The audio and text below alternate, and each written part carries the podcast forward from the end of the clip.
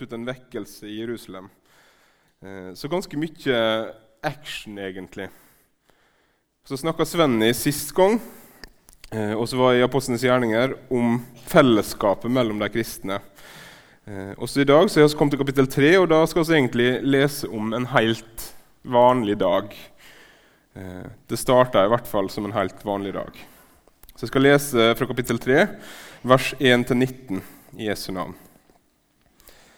Peter og Johannes gikk en dag opp til tempelet, til ettermiddagsbønna ved den niende timen. Da kom det noen bærende på en mann som hadde vært lam helt fra mors liv. Hver dag satte de han ned ved den tempelporten som heter Den fagre, så han kunne tigge om gave fra de som gikk inn på tempelplassen. Da han fikk øye på Peter og Johannes, som var på vei inn, ba han dem også om ei gave. De så fast på han, og Peter sa, Se på oss. Det gjorde han, for han håpa å få noe av dem. Men Peter sa, 'Sølv og gull eier jeg ikke.' 'Men det jeg har, det gir jeg deg.' 'I navnet til Jesus Kristus, nasareeren, stå opp og gå.' Så tok han mannen i høyre handa og reiste han opp. Og straks fikk han styrke i føttene og anklene. Han sprang opp, sto på føttene og begynte å gå omkring. Så fulgte han dem inn på tempelplassen. Snart gikk han, snart sprang han, alt mens han sang og lova Gud. Alt folket så hvordan han gikk omkring og lovpriste Gud, og de kjente han igjen. Det var han som brukte å sitte ved fagreporten og tigge om gåve. De ble fra seg og fylt av ærefrykt over det som hadde hendt med han. Mannen holdt seg nær til Peter og Johannes, og alt folket flokka seg omkring dem i Salomos søylehall, fulle av undring. Da Peter så det, tok han til å tale til folket. Israelitter, hvorfor undrer dere over dette? Hvorfor stirrer dere på oss som om det var vår egen kraft eller gudsfrykt som gjorde at denne mannen kan gå? Nei, Abrahams og Isaks og Jakobs Gud, våre fedres Gud, han har herliggjort tjeneren sin Jesus. Dere utleverte han og fornekta han for Pilatus, som hadde satt seg før å gi ham fri. Dere fornekta den hellige og rettferdige og ba om å få en morder i stedet. Men opphavsmannen til livet, han drap dere. Han som Gud vekte opp fra de døde, det er oss vitne om. Ved trua på Jesu navn har dette skjedd, for det navnet har styrka denne mannen, som dere både ser og kjenner. Den tru som oss får gjennom dette navnet, gjorde mannen heil og frisk, som dere alle kan se. Jeg veit nok, brødre, at dere gjorde dette fordi dere var uvitende, slik rådsherrene deres er. Men slik oppfylte Gud det han på forhånd hadde forkynt gjennom alle profetene, at hans Messias skulle lide. Angre derfor og vend om, så syndene deres kan strykes ut. Kjære Jesus, takk for ditt ord til oss. Jeg ber må du komme her med Din Hellige Ånd eh, og vise deg for oss må du lære oss noe eh, i kveld. I ditt navn, Jesus. Amen. Hva handler den teksten her om, egentlig? Eh, ved første øyekast, og sånn som jeg husker den fra søndagsskolen, så handler denne teksten om en mann som blir helbreda. Eh, men når en leser så langt som oss las nå, så handler teksten egentlig om Jesus. Det er jo litt sånn der juksesvar å gi på et sånt uh, alt svar på alt er Jesus-type svar. Men til sjuende og sist er det det som blir svaret her. Teksten starter med at de møter denne mannen som er lam, og han blir helbreda. Men så når folk begynner å stimle seg rundt deg fordi de ser hva som har skjedd, så kommer Peter i verst hold og sier, 'Hvorfor stirrer dere på oss?' Som om det var vår egen kraft eller Guds frykt som gjorde at denne mannen kan gå. Og så setter han i gang å forkynne. Og Hvis dere leser en del i Apostlenes gjerninger, i løpet av ditt semester, så vil dere se at det er nesten som et mønster. Helbredelse, forkynnelse, helbredelse, forkynnelse. Et under, et ord. Helbredelsene danner nesten et bakteppe som apostlene forkynner ut ifra. Og så begynner Peter å snakke, og så sier han en del ting om hvem Jesus er, og han snakker til jøder. Han begynner med å si at Jesus han er Guds herliggjorte tjener. Den tjeneren som dere kan lese om, sier Peter i Jesaja 52 og 53, det er den Jesus som levde her, som var blant oss, som underviste, som helbreda, og som dere drepte. Så sier han Jesus han er den hellige og rettferdige. Med andre ord Jesus er Gud. Han er Gud. Og så kanskje det kuleste Jesus er livets opphavsmann. Han er opphavsmann til alt liv. Som Johannes skriver at i begynnelsen var Ordet, Ordet var hos Gud, og ingenting har blitt til uten Han. Og han drap dere. Men Jesus er den oppstandende. Han overvant døden. Og til slutt Jesus er grunnen til at denne mannen nå kan gå. Så Jesus er med andre ord også den som har makt til å helbrede. Og Alle disse sannhetene som han sier om Jesus, er para sammen med en ganske kraftig og krass anklage mot de jødene som han snakka til. Dere drepte livets opphavsmann. Dere fornekta den hellige og rettferdige, og i stedet ba dere om å få en morder fri. Og Med disse poengene så er det akkurat som Peter sier dere er jo sjøldestruktive til tusen. Fordi motstand mot Jesus er sjøldestruktivt. Det virker som dere vil sjølutslettelse. Det virker som dere vil utslette dere sjøl. For han som kom for å gi dere liv, han drap dere. Han som var rettferdig og god, han fornekta dere, og i stedet for bar dere om å få en morder fri. Hva sier det om dere? Vil dere dø? Fordi det virker sånn, er det som Peter sier. Men så sier han også at dere kan vende om.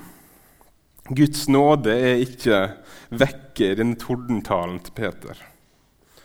Det er ikke for seint. Vend om sånn at deres synder kan bli strøket ut. Så Helbredelsen av denne mannen blir altså et bakteppe der Peter går inn og er fryktelig hard, egentlig men der han også gir deg tilbudet og evangeliet om Guds nåde. Han er tydelig på hvem Jesus er og var, hva de gjorde mot ham. Men så sier han at Jesus er fortsatt kommet for å gi dere liv. Jesus han er fortsatt livets opphavsmann, og han vant over døden. Dere som drap han, han ble ikke liggende i grava. Han vil fortsatt ha dere som sine. Han vil fortsatt vise nåde mot dere. Så de kommer her på en helt vanlig dag. Går mot tempelet. Hva er det de skal? Jo, de skal be. De skal gå til tempelet for å be. Men så legger Gud en mann i veien deres, som de møter, og som de så får lov til å gi noe fra Jesus til. Og I hans tilfelle er det jo mye mer enn det han ber om. Det er et enkeltmenneske som får livet sitt snutt helt på hodet, og ikke bare åndelig. Han har aldri kunnet gått, og plutselig så går han og springer han. Se på oss, sier Peter til han når han ber om ei gave. Jeg, jeg, vet ikke ja. Jeg kan se for meg at denne mannen bare tenker OK, kan godt se på det, kan godt se på det hvis, det hvis det er det som skal til for at du gir meg en femtilapp. Eh, OK, eh, jeg ser. Hva nå? Han kunne jo ikke ant hva som kom. At Peter bare 'Sorry, jeg har ikke penger, men jeg har noe annet.' Og Så tar han tak i armen på han og drar han opp. I navnet til Jesus Kristus røys det opp og gå. Han hadde helt fra han var liten, vært tvinga til å tigge for å få penger til å ete, til å leve. Eh, eneste levebrød han kunne ha, det var akkurat det å sitte der og tigge penger. Eh, og så kommer apostlene til Jesus, eh, og han håper på å få ei gave til. Eh, han, han våger ikke å tenke større enn det. Han håpte på ei gave. Han får jo ei gave også. Eh, han får gå. Og hva er det han reagerer med å gjøre? Når han røyser seg opp og går og springer, så takker han Gud. Han har forstått hvem det er som må stå bak dette. her. Han har forstått hvem det er som, som virkelig har helbreda han. Han forstår at det ikke er Peter og Johannes som er opphavet til det som er skjedd, men at de var Guds tjenere, at de var Jesu hender og føtter. Og så er kickeren til oss da, at det er oss også. Oss også er Jesu hender og føtter. Og så vet jeg at jeg og veldig mange andre i møte med sånne tekster som det her, der det skjer helbredelser, eh, der det skjer under, tenker hvorfor skjer ikke dette hos oss? Hvorfor er det så lite bønn for syke hos oss, og hvorfor skjer det ingen helbredelser hos oss? Og så vet jeg at det ikke stemmer, egentlig. Eh, at Det stemmer ikke at det ikke skjer helbredelser hos oss. Det stemmer ikke at oss ikke ber for syke. Så jeg tenkte jeg kunne fortelle bitte litt bare om hvordan det er oss i misjonssalen gjør det her. Um, fordi det er helt sant, det skjer veldig lite bønn for syke her oppe på scenen her i misjonssalen. Men her, som i de aller fleste andre kirker, så kommer det ganske ofte folk til forbønn og på kontoret og si oss er syke, eller oss kjenner en som er syk. Oss vil gjerne eh, bli bedt for, eller at din person skal bli bedt for. Og Det skjer en hel del bønn for syke her i forbønnsrommet. Men så skjer det også noe som vi kaller salving og bønn for syke.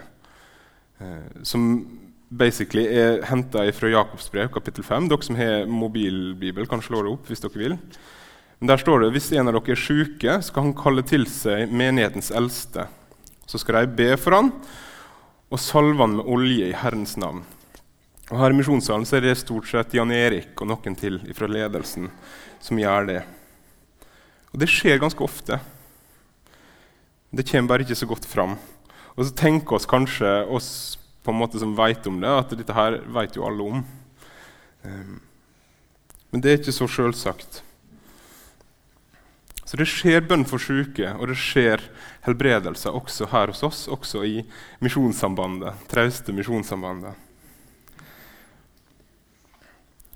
Alle NLM sine forkynnere har med seg sånn oljeflaske når de er rundt og forkynner, i tilfelle det er noen på den plassen der de kommer, som ønsker forbønn for sykdom eller helseplager. Og jeg vokste opp egentlig med bønn for syke og helbredelse som en helt naturlig del. Riktignok ikke så hands on som, som, det er veldig mange andre plasser, men Besta, eh, ei heltinne, eh, hun hadde en bønnering med sine venninner. Eh, jeg, tror nok, jeg tror nok den bønneringen av og til ble misbrukt sånn sladder-wise. Men, eh, men stort sett så fungerte den bønneringen veldig godt. En fant ut at han eller hun var syk, og nå måtte jeg sette i gang og be. Så da satte Besta seg med telefonen med de latterlig store knappene og trykte inn nummeret til sine ti beste venninner og sa nå er han blitt syk, nå må vi be. Og så gjorde de det samme. Og så var det plutselig hundrevis av folk som satt og ba for denne personen som var syk. Og Mamma også har tatt med seg det videre, så jeg får stadig vekk meldinger om den ene og den andre, om at hun har bilbetennelse, og at jeg må be om at hun må bli frisk. Så jeg vokste opp med det som en naturlig del av hverdagen, egentlig, at det blir bedt for syke. Og så tror jeg, og så vet jeg, at Gud har makt til å helbrede syke også i dag. At denne hendelsen som vi leser om her, i Apostlenes gjerninger 3, spesiell som den er, ikke er en sånn derre Ja, men det skjer jo aldri lenger. Jeg tror fortsatt det er folk der ute som har nådegave til å helbrede. Og jeg tror at jeg kan legge noe fram for Gud, og at Gud vil svare på det som Thea sa i stad, vi tror på en Gud som hører, og som svarer når vi ber til Han. Jeg vil fortelle en historie om dette som jeg tror jeg har fortalt før, her, men som jeg, ja, den uh, gjør seg såpass godt og blir fortalt flere ganger at jeg gjør det. Eh, oldemora mi, eh, kristen, uh, skrukkete dame, hun fikk hjernesvulst når hun var ganske ung. Besta var fem-seks år, tenker jeg. Da fikk hun en hjernesvulst og hadde vært fra sykehus til sykehus og fikk beskjed om at det er ingenting vi kan gjøre. Eh, du har, du har et, år, et, år, eller to igjen hvis du er heldig. Bruk det godt, og så kan det ikke gjøre noe mer for deg. Men så hadde oldefar hørt om en kar som holdt til i bergensområdet, som la hendene på og ba for syke, og folk ble friske. Så han og oldemor heiv seg på båten, tok båten til Bergen. Og der ble hun lagt handa på av denne mannen. Han ba for henne, og svulsten forsvant. Oldemor ble 97 år, eller noe sånt. Det skjer fortsatt. Det som var veldig spesielt med denne mannen i Bergen, var at han var sjøl lam fra livet og ned. Gud er rar av og til, syns jeg. En mann med nådegave til å helbrede, som er lam fra livet og ned som var helt avhengig av en annen helt, da, som så det som si tjeneste å trille rundt på han fra bygd til bygd, der han fikk lov til å tjene. Der denne lammemannen fikk lov til å legge hendene på syke og be for dem, og de ble friske. Så min oldemor er en av de som har opplevd sannheten i at Gud også i dag helbreder syke. Bibelen forteller oss at oss er Jesu kropp, at oss er Jesu hender og føtter i denne verden. At oss skal være lys og salt. Og Det betyr også at oss skal legge hendene på og be for syke. At oss skal be for de oss vet om som er syke eller har en eller annen helseplage. Hvordan ser det ut, og kan også egentlig love at Gud kommer til å helbrede? Fordi I apostlenes gjerninger så virker det jo som det funker hver gang. Min favoritthistorie når Paulus har talt lenge, lenge, lenge, og det er en gutt som sovner i vinduet, detter ut, dør. Paulus går, vekker han opp igjen og fortsetter talen helt til sola står opp. Um, hver gang virker det som det funker i Postens gjerninger. Er det, er det, sånn i dag også, da, at oss kan love helbredelse? Og Da tror jeg det er viktig å huske at selv om apostlene egentlig var vanlige folk, så hadde de fått et ganske ekstraordinært oppdrag, og de hadde fått en ganske ekstraordinær autoritet. Når Paulus sier noe, når han sa noe, skrev noe, så er det noe som jeg som kristen i dag må ta hensyn til. Noe som jeg må innrette livet mitt etter. Hvis jeg sier noe til dere eh, som går utapå det vi kan lese i Bibelen, så er det ikke sånn at dere er forplikta på det på samme måte. Så de hadde fått en helt spesiell autoritet. Men oss tjener fortsatt den samme Gud. Og Guds kraft er ikke mindre virksom i dag enn det den var da.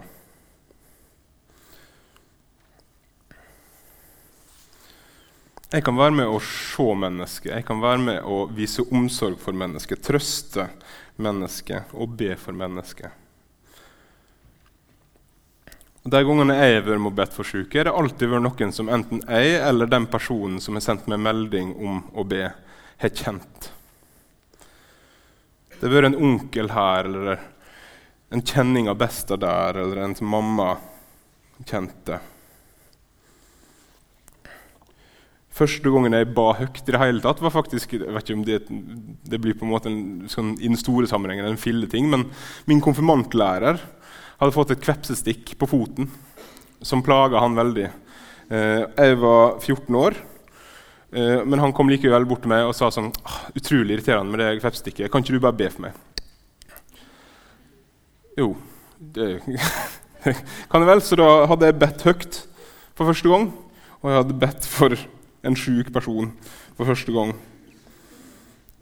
Det trenger ikke være så mye mindre hverdagslig enn det. Vi trenger ikke å gjøre det vanskeligere enn det trenger å være. En annen gang var det en kamerat av meg som hadde en far som fikk kreft. Og jeg visste ikke hva jeg, hva kan jeg egentlig gjøre i en sånn situasjon, så jeg, hadde, jeg sa til han jeg kan godt be for han. Og min kompis var ikke noen kristen, men likevel var han utrolig takknemlig for at jeg hadde lyst til å være med og be. Og så kan det virke som at oss har så lite oss kan bidra med inn i situasjoner som er for store for oss, som oss ikke ser hvordan oss skal kunne være til hjelp i. Men sånn som når jeg var med å be for faren til han kompisen min, så har oss en som er større, å legge det i hendene på. Det er ikke oss i oss vår egen kraft eller med vår egen på en måte intense konsentrasjon som skal gjøre folk friske eller hjelpe dem. Det er ikke oss som til sjuende og sist skal trøste eller holde oppe. Det er det Gud som skal gjøre. Men oss tjener en Gud som har makt til å gjøre alt. Vi tjener en frelser, en Jesus, som sa 'Jeg har fått all makt i himmelen og på jorda'. Når vi legger ting i hans sine hender, så vet vi at de er de beste hendene. Og så vet vi at han har makt til å gripe inn.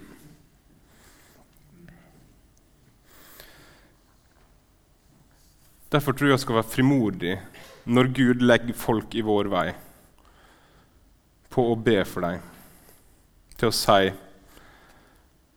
jeg tror på en Gud som har all makt. Og jeg kan godt be for den situasjonen som du nettopp har fortalt meg om. Jeg kan ikke love resultatet, men jeg kjenner Han som har makt til å endre enhver situasjon. Jeg kjenner en som har makt til å helbrede, og det bør gi oss frimodighet. Så tror jeg ikke at oss skal springe ut på gata etterpå på jakt etter folk som er litt sjuke eller har en skavank, for å se hva som kan skje. Men jeg tror oss bør legge oss sjøl og livet vårt i Guds hender og si Gud, de mennesker som du legger min vei, på en helt vanlig tirsdag eller torsdag eller fredag i Oslo De menneskene må jeg få lov til å være dine hender og føtter i møte med de menneskene. Må du lede meg i de møtene med de menneskene. Må du være med meg, gi meg ordet jeg skal si, vis meg veien. Hjelp meg å ha perspektivet i møte med folk at jeg er din utsending, Jesus. Sølv eller gull, det har jeg ikke, sa Peter. Men han hadde lyst til å gi det han hadde å gi. Og der og da så var det ganske heftige greier han hadde å gi. Men så har vi også heftige greier å gi oss også har Jesus. Oss også har Jesus og krafta i hans navn. Vi står overfor disse situasjonene der vi bare blir for små, når vi får høre en historie fra en medstudent eller en venn eller en eller annen random på bussen, der vi kjenner at det her vet ikke jeg hva jeg skal gjøre med, så kan vi legge det i hans hender. Og så er fortsatt han. Vi kan fortelle dem om han, og vi kan be til han for dem. Vi kan se deg og vise omsorg for deg, og så kan elske deg slik som oss er blitt elska, og slik som oss er kalt til å elske. Vi kan være Jesu hender og føtter. Jeg vil be til slutt. Kjære Jesus, takk at du ser enkeltmennesket og griper inn i deres livssituasjon. At du reiser opp mennesket som ligger nede, sånn som denne mannen som var lam så ber oss at våre liv må være prega av at oss tjener deg. At oss er tiltro og tillit til deg, og at du hører og ser og bryr deg, også i dag. Takk for de vitnesbyrdene som mange her sikkert har om din inngripen i en tilsynelatende håpløs situasjon. Jeg ber må du gripe inn sånn på nytt, til ære for ditt navn. Og så ber oss om at våre liv og de mennesker som oss møter på alle de helt vanlige dagene som oss lever her på jorda, at oss må få lov til å møte mennesker med din kjærlighet, At oss må få lov til å møte mennesket med dine øyne, dine hender, dine føtter. Og se, elske, reise opp. I ditt navn, Jesus.